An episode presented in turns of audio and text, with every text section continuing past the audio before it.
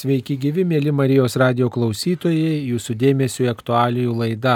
Šioje laidoje norime jums pranešti džiugę žinę, kad jau baigėsi viskupijos etapas, kuriame buvo renkama medžiaga betifikacijos bylai, kurioje Dievo tarnaitė Adelė Dirsytė rengiama altoriaus garbiai visa medžiaga. Netrukus bus užanspauduota Kauno arkikatedroje bazilikoje ir perduota į Vatikaną į šventųjų bylų kongregaciją.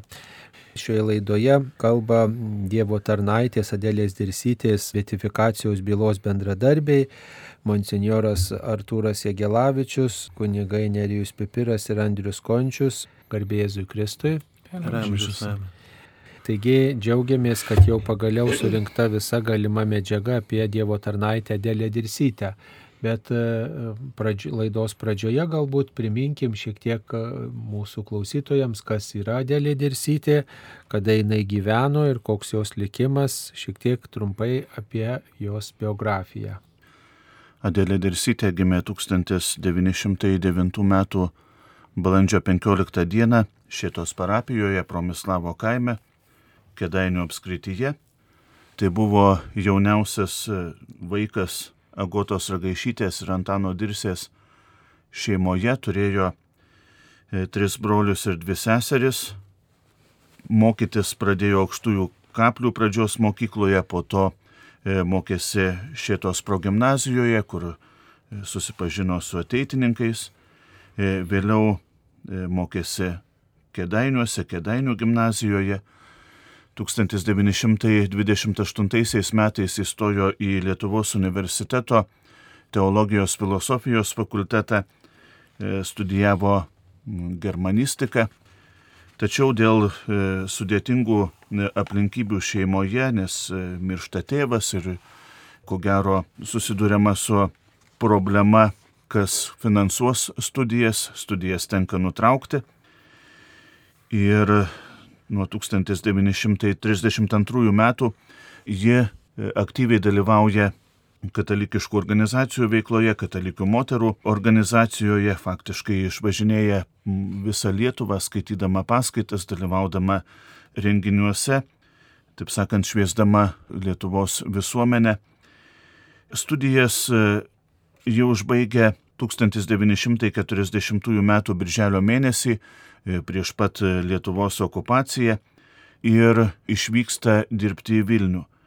Čia dirba keliose mokyklose, aktyviai dalyvauja pogrindinėje ateitininkų veikloje, taip pat bendrauja su Vilniuje dirbusiu kunigu, taip pat e, Dievo tarnu Alfonsu Lipniūnu, kitais Lietuvos šviesuoliais. 1946 m. kovo 6 d. ji yra suimama ir nuteisiama dešimčiai metų lagerio bei penkiems metams tremties, kali toli nuo Lietuvos, tai šiete, Kolimos lageriuose, miršta Chabarovsko krašte 1955 m. rugsėjo 26 d.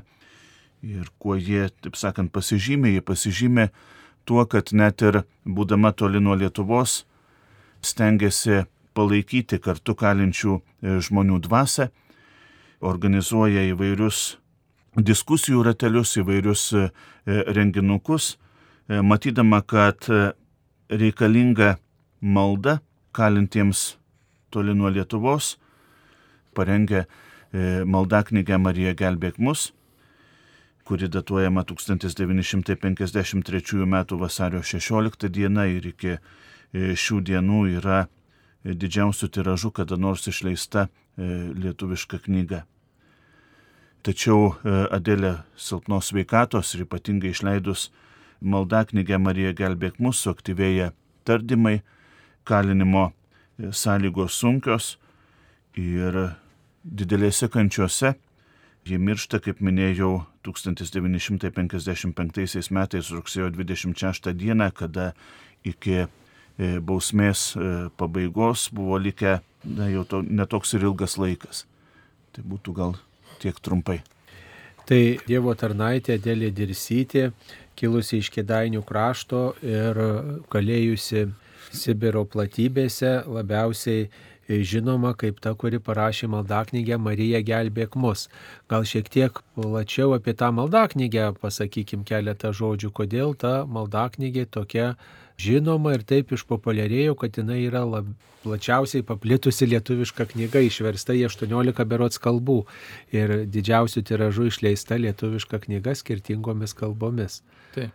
Kiek žinoma, išversta per 11 ar 12 kalbų, kurios žinomos, dar kurios gali būti na, neatrastos. Prieš porą savaičių atradome irgi, kad Suomijoje dvi laidos išleistos nuo 2014 metų. Ir tiesiog plinta ta, ta malda ir kažkokiu būdu tas kvietimas per būtent šitose Sibiro lageriuose užrašytas maldas žmonėm prabyla, prabyla tos maldos, nes jos išneštos arba atneštos iš tos patirties iš tos e, sunkaus darbo lageriuose esančios tikėjimo ir, ir kartu tokio sunkumo patirties, kuriuose tos maldos kyla į Dievą. Ir taigi turbūt šitą maldaknygę, kodėl jinai taip, taip rezonavo liaudyje žmonėse, nes dirsytės, aiškia, būdas įkvėpti sunkumuose buvo mokyti rašyti maldas ir kurti maldas Dievui. Ir buvo tokia kaip maldos mokykla, kuriuose slapta. Įsivaizduojam, kad lageriuose tikrai nebuvo, žinai, prižiūrėtojams pasako, mes čia maldas leisim, reiškia, darysim, toj pat būtų supakavę, uždraudę, atėmę, jos slapta viską darydavo, slėpdavo po čiūžiniais į visur, kur tik tais įmanoma tas maldas, kurias užrašydavo, nes tai būdavo, nu, kaip nelegalus darbas. Ir jos tomis maldomis ugdydavo tą tokią, sakykime, dvasę tų kalinių. Adelė Drisytė mokindavo, kaip melstis, kaip einant į darbus, savo maldą pavesti visus sunkumus Dievui. Ir tuo būdu šketas ryšys su Dievu kūriamas. Ir kai ta maldaknygė iš būtent tų lagerių buvo perduota kažkokiu būdu, nežinome iki galo tiksliai, kokiu būdu buvo perduota ir pasiekė Ameriką, jinai na, tapo ta tokia, sakykime, švelnaus pasipriešinimo arba tikėjimo maišto, ne, kad mūsų tikėjimo ir, ir mūsų ryšio su Dievu niekas negali sustabdyti, jokios ideologijos, komunizmas ar ką nors. Ir jinai na, tapo tokia kaip pasipriešinimo kartu ir kartu tos maldos kovos ženklų daugybė žmonių ir, ir širdyse prabilo. Ir, Ir turbūt ta maldaknygė tuo būdu jinai išgarsėjo, bet aišku, pati, sakykime, svarbiausia yra, yra paties pačios Adėlės malda arba jos gyvenimo liudimas ir pavyzdys ir kartu jos e, auka, kurią jinai išnešė, nes toje pačioje maldaknygėje, iš kurioje maldoje jinai rašo tokią maldą Dievę, aukoju tau visus savo skausmus, vargus, nuovargį, sunkumus už visus mano brangiuosius ir už Lietuvą. Melsdama Dievę malonės sugrįžti į Lietuvą, sugrįžti veikiai, nes jau jos kalinimas į pabaigą ėjo, nors ją kankindavo, tardydavo ten ir daužydavo visai kaip tose tardymuose, bet jinai meldė malonę sugrįžti į Lietuvą ir galima sakyti, jai buvo Dievo leista sugrįžti, bet jau kitokiu būdu. Ne? nebe tuo realiuoju, nes jinai ir liko palaidota tenais, Kabarovskos rytį, tolimuoju Rusijoje prie Japonijos ir nežinom jos kapo vietos, nes, na, yra jisai paslėptas buvo, ne vieša vieta, kur palaidota ir dabar, kiek pavyko atsekti, berots ten dabar yra ant viršaus tų kapinių įrengti kolektyviniai sodai. Tai tiesiog valdžia, reiškia, likvidavo bet kokią galimybę surasti tuos palaikus. Bet nepaisant to, dirsytės ta iškia, malda ir jos liudijimas ir maldaknygė mums neša tą vilties ir, ir tokio padrasinimo santykių su Dievu žinia. Kodėl Dirsytė buvo tokia pavojinga sovietų valdžiai, juk jinai buvo viso labo mokytoja, vokiečių kalbos mokytoja, kūrybinga žmogus ir tiek kokį pavojų kėlė dėlė dirsytė sovietų valdžiai? Manau, kad tai yra atsakymas būtų labai paprastas. Sovietų valdžiai buvo nereikalingi žmonės mąstantis. Tie, kurių negalima kažkaip tai paveikti ar, arba valdyti, nurodant, nurodant pirštu. Tie, kurie turi, turi savo nuomonę, kurie trokšta galbūt sugrįžti, sugrįžti į savo tėvynę, jie, jie kurti, puoselėti ir taip toliau. Ir tai buvo suvokta kaip grėsmė Tarybų sąjungai. Matot, Tarybų sąjunga norėjo pavergti žmogų ir fiziškai, ir dvasiškai. O vat ta nepavergiamoji žmogaus dalis tai ir yra jo, jo dvasia. Jis gali dirbti sunkiausius darbus, taip kaip ten buvo kankinama įvairiuose darbuose kartu su Adelė Dirsytė ir kiti politiniai kaliniai, bet jie turėjo tą nepalaužiamą dvasę ir kiekvienas ten jų tarpe buvęs dvasingas žmogus, tiek kunigas, tiek pasaulietis, jie sugebėjo palaikyti viltį ir tikėjimą savo draugų ir draugių, kurie kentėjo kartu. Ir kartu išgelbėti nuo tam tikros labai suprantamos pagundos, keršto pagundos. Nemažai grįžo iš lagerių, iš tremčių, turėdami pyktį, kerštą, neapykantą. O Adėlė Dirsytė lyg būtų ta tokia lietuviškoji Indijos Gandhi, kuris nesipriešindamas ginklų kovojo už savo Indijos nepriklausomybę, taip ir ji savo kančios draugėms sakydavo, kad keršto kelias ne mūsų kelias, mes galim tik atleisti. Ir toje maldaknygėje nėra jokių minčių apie, apie kerštą, apie kažkokį pyktį ar kažkokią Dievo bausmę. Jis sugebėjo pakelti dvasę ir kantrybę tų savo likimo draugių. Adėlė Dirsytė turbūt ar sovietų valdžiai įstrigo kaip ta, kuri reiškėsi ir visuomeniniai veikloje, ir tuometiniuose leidiniuose. Gal šiek tiek apie jos paliktus raštus galime papasakoti, apie jos straipsnius, įžvalgas, juk jinai buvo ta žmogus, kuri ne tik tai mokykla lankė kaip mokytoja, mokinius mokė, bet ir taip pat ugdė ir, ir visus Lietuvo žmonės.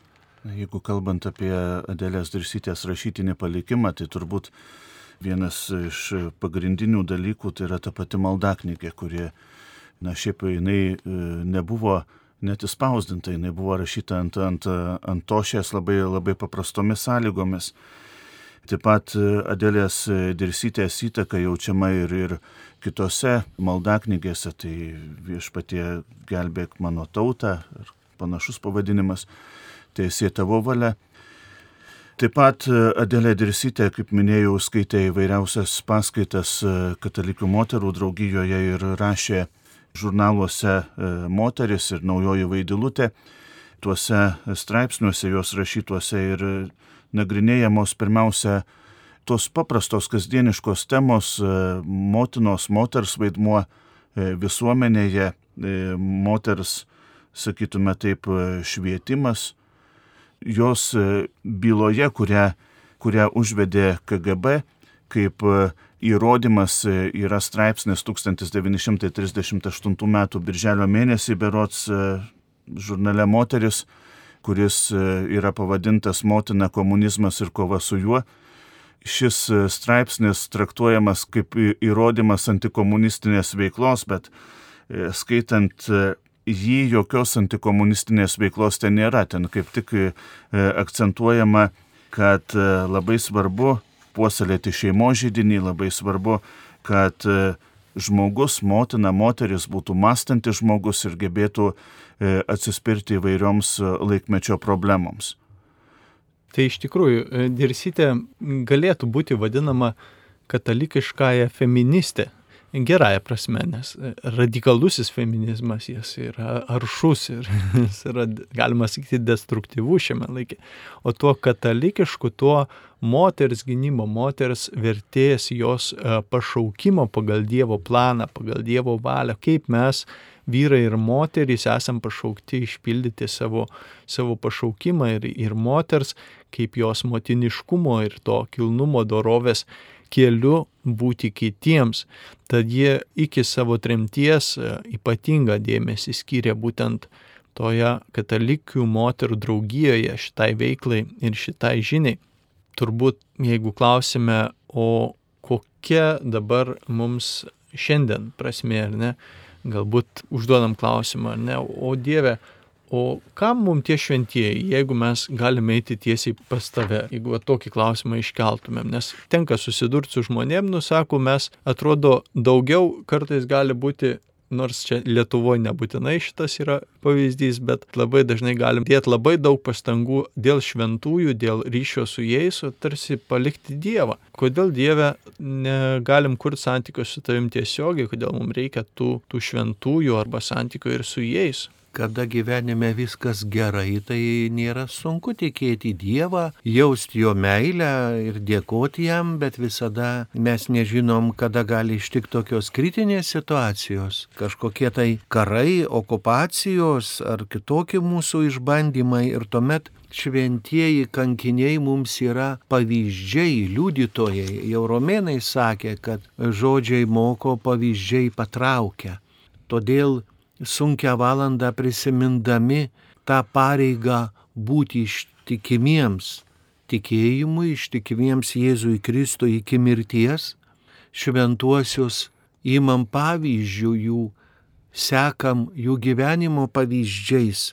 Todėl mes galim turėti tam tikrą atramą ir užtarėjus ir mūsų sunkia valanda kreiptis į tuos kankinius, kurie bus užtarę pas viešpatį ir kurie mus moko, kaip būti ištikimiems ir išsaugoti tikėjimą, taip kaip džiaugiasi apaštalas Paulius gyvenimo pabaigoje sakydamas, kad aš laimėjau bėgimą, aš, aš išsaugojau tikėjimą. Ir kaip sakė vienas teologas, krikščionis, kad jei žmogus praranda tikėjimą, tai daugiau jau nėra ką prarasti. Todėl mūsų šventieji yra įvairiuose gyvenimo situacijose pavyzdžiai. Pavyzdžiai skaistumo, pavyzdžiai atlaidumo, pavyzdžiai kantrybės, nes nekantrumas yra toks pat virusas tarp žmonių paplitęs kaip korona. Ir jis pritraukia lik magnetas paskiau daugybę, daugybę kitų įdų kaip pyktį, kerštą ir panašiai. Dabar, kai Ukrainoje vyksta karas, daugeliu žmonių širdyse įsismelkia keršto ir neapykantos kitoms tautoms jausmas. Tai yra pavojingas jausmas, nes karai baigsis ir kaip reikės bendrauti su tom kitom šalim. Šį klausimą jau uždavė karo metams einant į pabaigą popiežius Pijus XII, kuris sakė, kad o kaip reikės bendrauti su tom šalim, kurios visą šitą karą pradėjo. O reikės bendrauti, reikės kalbėti ir apie teisingumą ir kartu ir apie gailestingumą ir atsiet kartais tautą nuo tų, kurie vadovauja gana despotiškai, žiauriai, kaip buvo Stalino laikais ir kaip vyksta dabar. Todėl tikėjimas yra didžiulis ramstys ir, ir šventieji mums yra labai svarbus mūsų tautoje. Netiek daug yra tų šventųjų, yra karalaitis, yra arkivyskupas, dabar eilė vat pasauliečius iškelti į altoriaus garbę, kad ir mūsų tautiečiai sakytų, kad štai galima savo vietoje, savo darbus dirbant būti dorais, šventais, šviečiančiais šventumu žmonėmis, kaip tas vienas vienuolys vienuolinė mirdamas prašė atneškite man dangaus raktus. Tai vienuoliai atnešė šventą raštą, jisai sakė ne, kiti ten atnešė kryžių ar ten ražančių, ne, sako atneškit man adatą. Aš vienuolinė buvau siuvėjas ir siuvau va tuo savo mažuose dalykuose, būdamas ištikimas, aš tikiuosi, kad pelnysiu, gausiu dovaną iš viešpaties didelę. Įvardyjant tą kunigo Artūro mintį Evangelijoje suskamba Jėzaus palyginimai. Tarsi, kai jisai kalbėdavo apie dangaus karalystę, tai kiti mokiniai sakė, kodėl mums kalbi palyginimais. Sakyk tiesiai, kaip yra, o čia vis, reiškia, kažkokiais kitais būdais mums per aplinkui tarsi nori pasakyti. Tai tikriausiai panašiai galima e, pažvelgti ir šventuosius. Jie yra tarsi Dievo palyginimai apie Dievo karalystę, kaip ta Dievo karalystė mums gyventi mūsų aplinkoje. Ir tų palyginimų įvairiausių duoda. Ar kiekvienas žmogus yra savitų būdu, na, mums atspindinti Jėzaus Evangeliją ir, ir Dievas yra bendruomeniškas, jis, jis dalinasi savo malonę ir savo užduotimis, kaip bažnyčioje žemėje, taip ir iš dangaus, tai tais būdais mums byloja. Mėly Marijos radio klausytojai, jūsų dėmesio aktualijų laida ir šioje laidoje kalba Dievo tarnaitės Adėlės Dirsytės betifikacijos bylos bendradarbiai, monsinjoras Artūras Jegelavičius, kunigai Nerijus Pipiras ir Andrius Končius. Štai kalbamės tokia proga, kad Birželio 28 dieną vakare 18 val.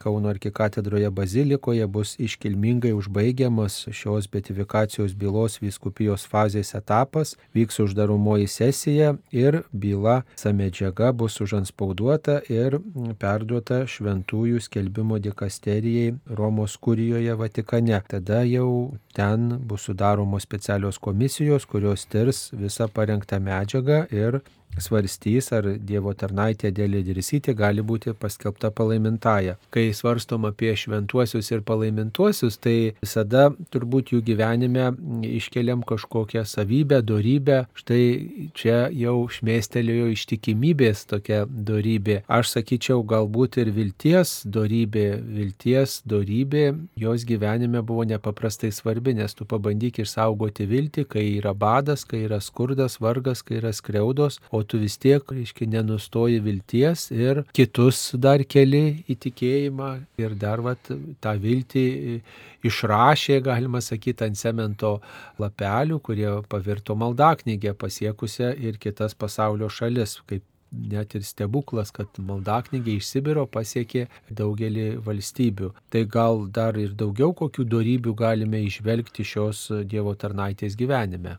Viltis tikriausiai yra ta centrinė jos e, tokia žinia, sakykime, perduota, kaip išlaikyti tą gyvenimo žvilgsnį šviesų ir, ir tuose sunkumuose. E, man didelį įspūdį padarė dirsytės laikysena kankinimo akivaizda, kai ją tardydavo, kai sumuždavo, grįždavo su mėlynėmis, ten su plaukais nurontais, kitą kartą dantį išmušė. Ir dirsytė, kas kitoms liudytojoms labiausiai na, užkliūdavo, jinai niekada nesiskūsdavo, ir nieko blogo nekalbėdavo apie savo tuos kankintojus. Priešingai jinai melsdavosi ir netgi sakydavo, kad tai, kas mums tenka, turime aukoti Dievui atnešti kaip atgailą už savo klaidas, už savo nuodėmes, už savo giminės nuodėmes ir už nu, galbūt tautos, Lietuvos atsivertimą.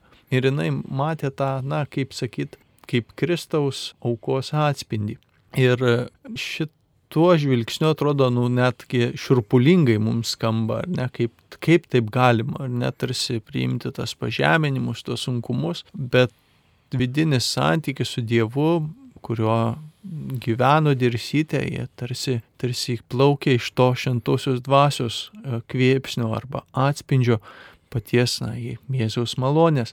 Ir labai svarbus momentas turbūt yra šitoj vietoj tai, kad bažnyčia nesukuria šventųjų, mes jų nepadarom savo viešom iškilmėm ir, ir tarsi tada jie tampa šventaisiais, palaimintaisiais ar šventaisiais. Bažnyčia tik atpažįsta Dievo malonę, ypatingą Dievo malonę ir pripažįsta, kad jie jau yra ne, šventieji. Ir tam renkami įrodymai.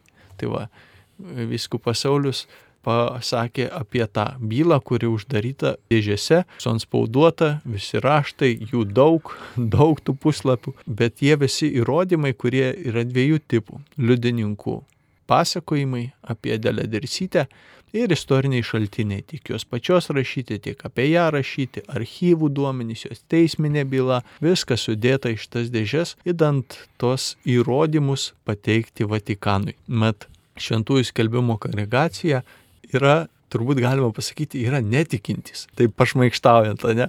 Jie netiki pasakomis, jie tiki faktais. Ir reikia pateikti tuos įrodymus iš tikrųjų, kad štai jie tikrai visų savo gyvenimu atspindėjo Dievą, reikia juos įtikinti. Ne? Ir visa šita medžiaga surinkta bus va, išsiunčiama. Iš tikrųjų darbas didelis, nuo 2000 metų pradėta byla.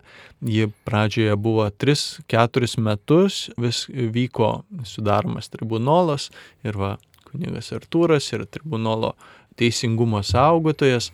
Tai yra besirūpinantis, kad kanoniškai viskas veiktų teisingai kunigas Nerijus, vicepostulatorius, tai mano postulatoriaus padėjėjas dar yra viskopo delegatas ir visa komanda dirba ir vado 2000-ųjų dirbo, bet kaip mirė pirmasis postulatorius Pranciškus Tamulevičius, monsinjoras mūsų gerbamas ir mylimas daugelio Kaune. Ta bylos eiga sustojo ir nuo 2018 buvo atnaujinta ir dabar per penkis metus ją na, užbaigėme. Tai iš tokios procesinės pusės dabar pabaigiam svarbų etapą. Žinoma, tas pabaigimas dar negarantuoja paskelbimo palaimintuoju ar palaimintąją. Galiausiai, kai visa medžiaga bus pateikta, Vatikane viskupai susirinkę, susipažinę su jos gyvenimu ir jos biografija, balsuos ir pateiks savo vertinimą popiežiui. Ir tada popiežius, matydamas viskupų nuomonę ir matydamas tą žinę, priima sprendimą ar skelbti palaimintuoju palaimintąją. Taigi toks istorinis momentas, kai betifikacijos byla viskupijos etape užbaigiama, vyksta uždaromoji sesija, toks išskirtinis, gal galite šiek tiek apie tą viskupijos etapo užbaigą kažką pasakyti, kas čia vyks. Šventos mišios, įprastos liturginės apėgos mums visiems pažįstamos, dėkojant Dievui turbūt už žodėlės dirsytės gyvenimą, bet dar kas vyks toj uždaromojoje sesijoje, gal galit kažkaip paaiškinti mūsų klausytojams galime palikti tada slėpinį, intriga, bus įdomu. Visas tribunolas ir ten duos ir priesaikas, ir pareiškimus galutinius ir bus dėžės užanspauduojamos tokiu ypatingu būdu. Tai jeigu kas Kaune arba netoliese, kviečiam atvykti ir pamatyti tą šventę, o mišiuose bus padėkos už Adelę Dirsytę, už jos gyvenimą ir maldos melžiant Dievą paskelbimo jos malonės, kad ji būtų paskelbta palaimintąją, ką atpažįstame, ar ne. Ir tai yra malonė iš Dievo mums skirta į dirsytę, į ją kreiptis viešai liturgijoje kol kas neleidžiama, yra gana griežtai kongregacijos nurodoma, kad viešas kultas yra draudžiamas, kol nepaskelbiama palaimintuoju. Bet galime prašyti asmeniškai, galima bet kam kreiptis, ar ne? Ir yra daug žmonių, kurie vairiausiai prašo jos pagalbos, užtarimo, turime keliolika liudijimų apie patirtas malonės iš Dievo žmonių ir kurie dirsytės tėviškė šietos rajone važiuoja, ten yra toks kryžius gražus pastatytas ir, ir ten įvairiausių tų liudijimų, kam tenais, kas meldė pagalbos, ten depresija kažkam pasitraukė, vėl kažkas. Va tokių tų asmeninių yra tų malonės liudijimų bet viešai mišiuose ir kitur į dirsytės užtarimo galėsime prašyti tik pas paskelbimo palaimintojo, kurią viltyje sulauksime. Dabar tas svarbus etapas, iškilmingas išsiuntimas iš tikrųjų Kauno viskupijoje istorinis momentas, pirmą kartą viskupijoje vyksta tokia iškilmė. Kada Dievo tarnaitės visa medžiaga apie Dievo tarnaitę išleidžiama į Vatikaną. Dar turbūt apie tą medžiagą gal kažką įdomaus galėtumėt papasakoti, turbūt ne visi žmonės žino, kas ten įdomaus, galbūt buvo kažkoks laiškas ar kažkokia kita medžiaga, kuri jūs nustebino, pasirodė tikrai be galo unikali tokia ir, nu, ir įvairiais požiūriais vertinga kažko buvo egzotiška, netgi gal sakyčiau, juk būna renkant e, medžiagą apie žmogų, viskogi galima atrasti. Tai kas buvo šiuo atveju atrasta apie dėlę dirsytę, kas jūs nustebino. Tai medžiagos turinio prasme mes esame įsipareigoję paslapčiai, negalime išduoti daugybės dokumentų, išskyrus galime kalbėti apie tai, kas yra viešai prieinami šaltiniai - archyvų duomenys, knygos, visa kita liudininkų parodymai, komisijų darbas ir visa kita yra vidinis tyrimo klausimas ir mes na, negalime dalintis tom pačiom pačiom įdomiausiam dalykais. Bet man turbūt labai gera būtų išgirsti kunigo Artūro, kuris bylos pradžioje ir netgi buvo tokia ir yra Kolymos politinių tremtinių draugija Ir jinai, galima sakyti, buvo pirmieji inicijatoriai tos bylos kelionės, netgi kreipėsi į Artūrą, prašydami, kad jisai būtų jų postulatorius, atstovas, kreipiantis į vyskupą pačioje pradžioje, kaip ta pradžia buvo ir, ir kaip kilo ta beatifikacijos idėja.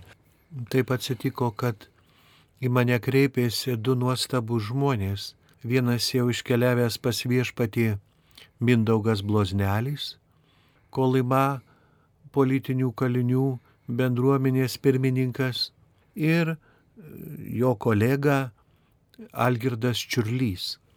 Tie du vyriškiai buvo didelio entuzijazmo žmonės, kurie buvo katalizatoriai suorganizuojant visą tos bendruomenės politinių kalinių suorganizavimą, pranešimą tiesiog jiems, kad Adėlė Dirsytė yra kandidatė į palaimintasias.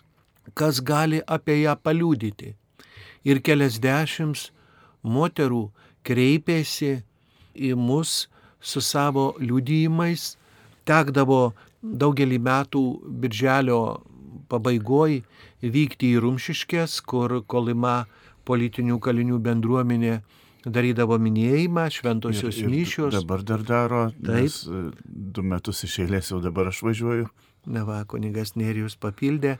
Tai vad toje bendruomenėje ir buvo proga tuose minėjimuose dar susipažinti, nes žmonės ateidavo ir, ir sakydavo, užsirašykit mano vardą, pavardę, mano adresą. O paskiau ir Mindaugas Bloznelis ir ir Algirdas Širlys vežiodavo mane po Lietuvą, po įvairius miestelius, pas tuos, kurie jau buvo silpnesnės veikatos liudytojai, kad galėtumėm juos apklausti. Tas, tą klausimyną mes naudojom pagal Vatikano duotas instrukcijas, tokias neplonas knygas, kaip vesti šventųjų bylas ir žinoma, kiekvienai bylai ar dirsytės, ar spirgevičiūtės reikėdavo daryti tam tikrus pakeitimus, kad labiau ir išsameu išklausti. Ir, ir, ir visada skambėjo tas toksai, na, labai liūdėjimas liudininkų Adėlės dirsyties dievo baimingumo, nes tas, kas bijo Dievo, tas nebijo žmonių. Ir persekiojimo metu yra labai svarbu nebijoti kankintojų, labiau bijoti Dievo ir melstį jį, kad, kad neišduotum kitų, kad liktum kantrus. Tai tas Adėlės Dievo baimingumas ir atlaidumas priešams buvo toks, na, kaip raudonas gyja tokia einanti per, per jos visą kančios, per tos kančios metus. Į kitas žymus žmogus profesorius kunigas Kestutis Trimakas, jis užsienyje daug renginių sudarydavo mišios, paskaitos, straipsniai. Buvo tas taip pat tarp užsienio lietuvių katalizatorius, kuris daugybę, daugybę įvairiuose šalyse padarė e, tokių renginių ir darbų, kad užsienio lietuviai susipažintų su Adėlės Dirsyties asmenybė, su jos tokiu nuostabiu charakteriu, kupinu tikėjimo, vilties ir meilės. To kartais dalyko, kur mums labai trūksta mūsų labai su pasaulietiškai tokiai materialiai visuomeniai. Tai ne tik tai turbūt e, užsienio lietuviams, bet taip pat ir kitiems žmonėms plačiame pasaulyje leido pažinti, padėjo pažinti Adelė Dirsytė, kunigas Kestutis Trimakas, kunigas ir psichologas. Na tai apibendrindami šitą laidą, gal pabrėžkime, kuo Adelė Dirsytė, Dievo tarnaitė Adelė Dirsytė galėtų būti tokia šių laikų žmonėms aktuali, įdomi, svarbi, ne tai, kad ten senų laikų prieškario Lietuvos pokario inteligentį, mokytoją, bet ir dabar, kuo galėtų jinai mus kreipti į Dievą, kokiom savybėm ir ką galėtume atrasti jos gyvenime kaip įkvėpimo tokį ženklą ir, ir patys pasinaudoti to, kas jai buvo svarbu. Man atrodo, Adėlė Dirsytė tinkamai yra tituluojama vilties mokytoja. Ir, ir šiandien, kada mes jaučiam, kiek mūsų visuomenė yra pasiklydusi, kiek mūsų visuomenė yra tarsi ir daug žinanti, bet, bet neturinti vilties, ji galėtų mums parodyti tą viltį. Ji galėtų mums parodyti, kas yra kas, koks yra žmogus. Manau, kad ypatingai šios dienos visuomeniai reikia dirsytės kaip tokios, kurie parodytų sumišusiai visuomeniai, kas yra pavyzdžiui moteris, kas yra motina, kokia motinystės prasme, koks motinystės kilnumas ir, ir kad iš tikrųjų kiekvienas žmogus, nepaisant ar visuomeninės padėties, nepaisant amžiaus, jisai yra orus žmogus, jis gali išaukti, gali pasiekti net ir dangų. Atrodo, tokia svarbi žinutė yra kiekviename laikmetyje kalbanti Adelė gali būti būtent kančios įveikimo prasme. Kadangi kentėjimai kiekvienam žmogui įvairiausių kančių turim - psichologinių, fizinių, dvasinių, vargų, sunkumų, santykių sudužusių, įvairiausių kentėjimų. Ir Adelė Dersytė moko mus tos vilties sunkumuose ir juos peržengti arba įveikti, glaudžiantis prie Jėzaus Kristaus kančios kontempliacijoje, savo malda, kantrumu, atleidimu, ypač tiems, kurie mums kažkaip, sakykime, pakenkė arba blogai, blogą ką padarė, nes čia būna turbūt didžiausias iššūkis, ar ne, kada, sakykime, dar kas atsitinka, tai viena kita nieko, gal, sakykime, įveikiam, bet kitą reikia ir atleisti kitiems. Tai dirsite iš tikrųjų tai yra evangelinės kantrumo ir mokėjimo įveikti visus sunkumus su meilė ir dievišku rumumu šauklys ir liudytoje. Mūsų tautos himne yra labai gražų žodžiai, iš praeities tavo sūnus te stiprybę semia. Taigi mūsų kankiniai yra mūsų stiprybės, mūsų ištikimybės, ne tik tautiškumui, bet ir tikėjimui šaltiniai. Ir čia noriu iš vieno straipsnio pacituoti, ką popiežius Pranciškus sakė Kauno arkikatedroje kai lankėsi duodamas tokią užduotį atminti savo kankinius. Neužmirškite jų, atminkite juos, esate kankinių vaikai, tai jūsų stiprybė. Neleiskite pasaulio dvasiai įtikinėti kažkuo, kas priešinga tam, ką patyrė jūsų protėviai. Atminkite savo kankinius, jie neturėjo baimės. Turbūt galima šitą surezonuoti su Jono Pauliaus antrojo vizitu, kai jis dar nebuvo popiežius, buvo Karlius Vaityla pas tėvą Pijų.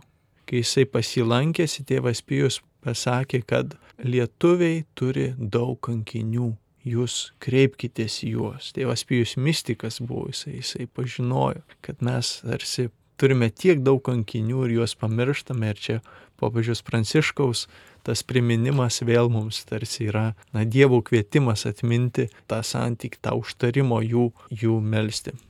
Taigi, mėly Marijos radio klausytojai, kviečiame domėtis Dievo tarnaitę Dėlę Dirsytę, jos atminimu, galbūt kreiptis jos, taip sakant, palydėjimo, tarpininkavimu, kad mus lydėtų prie viešpaties ir mus visus taip pat išmokytų tų gražių savybių, kokių ir pati nestokojo. Šioje laidoje dalyvavo monsinjoras Artūras Jėgelavičius, taip pat kunigai Nerijus Pipiras ir kunigas Andrius Končius. Jie kalbėjo apie Dievo tarnaitės Adėlės Dirsytės betifikacijos bylos viskupijos fazėje užbaigimą ir štai trečiadienį, birželio 28 dieną, 18 val.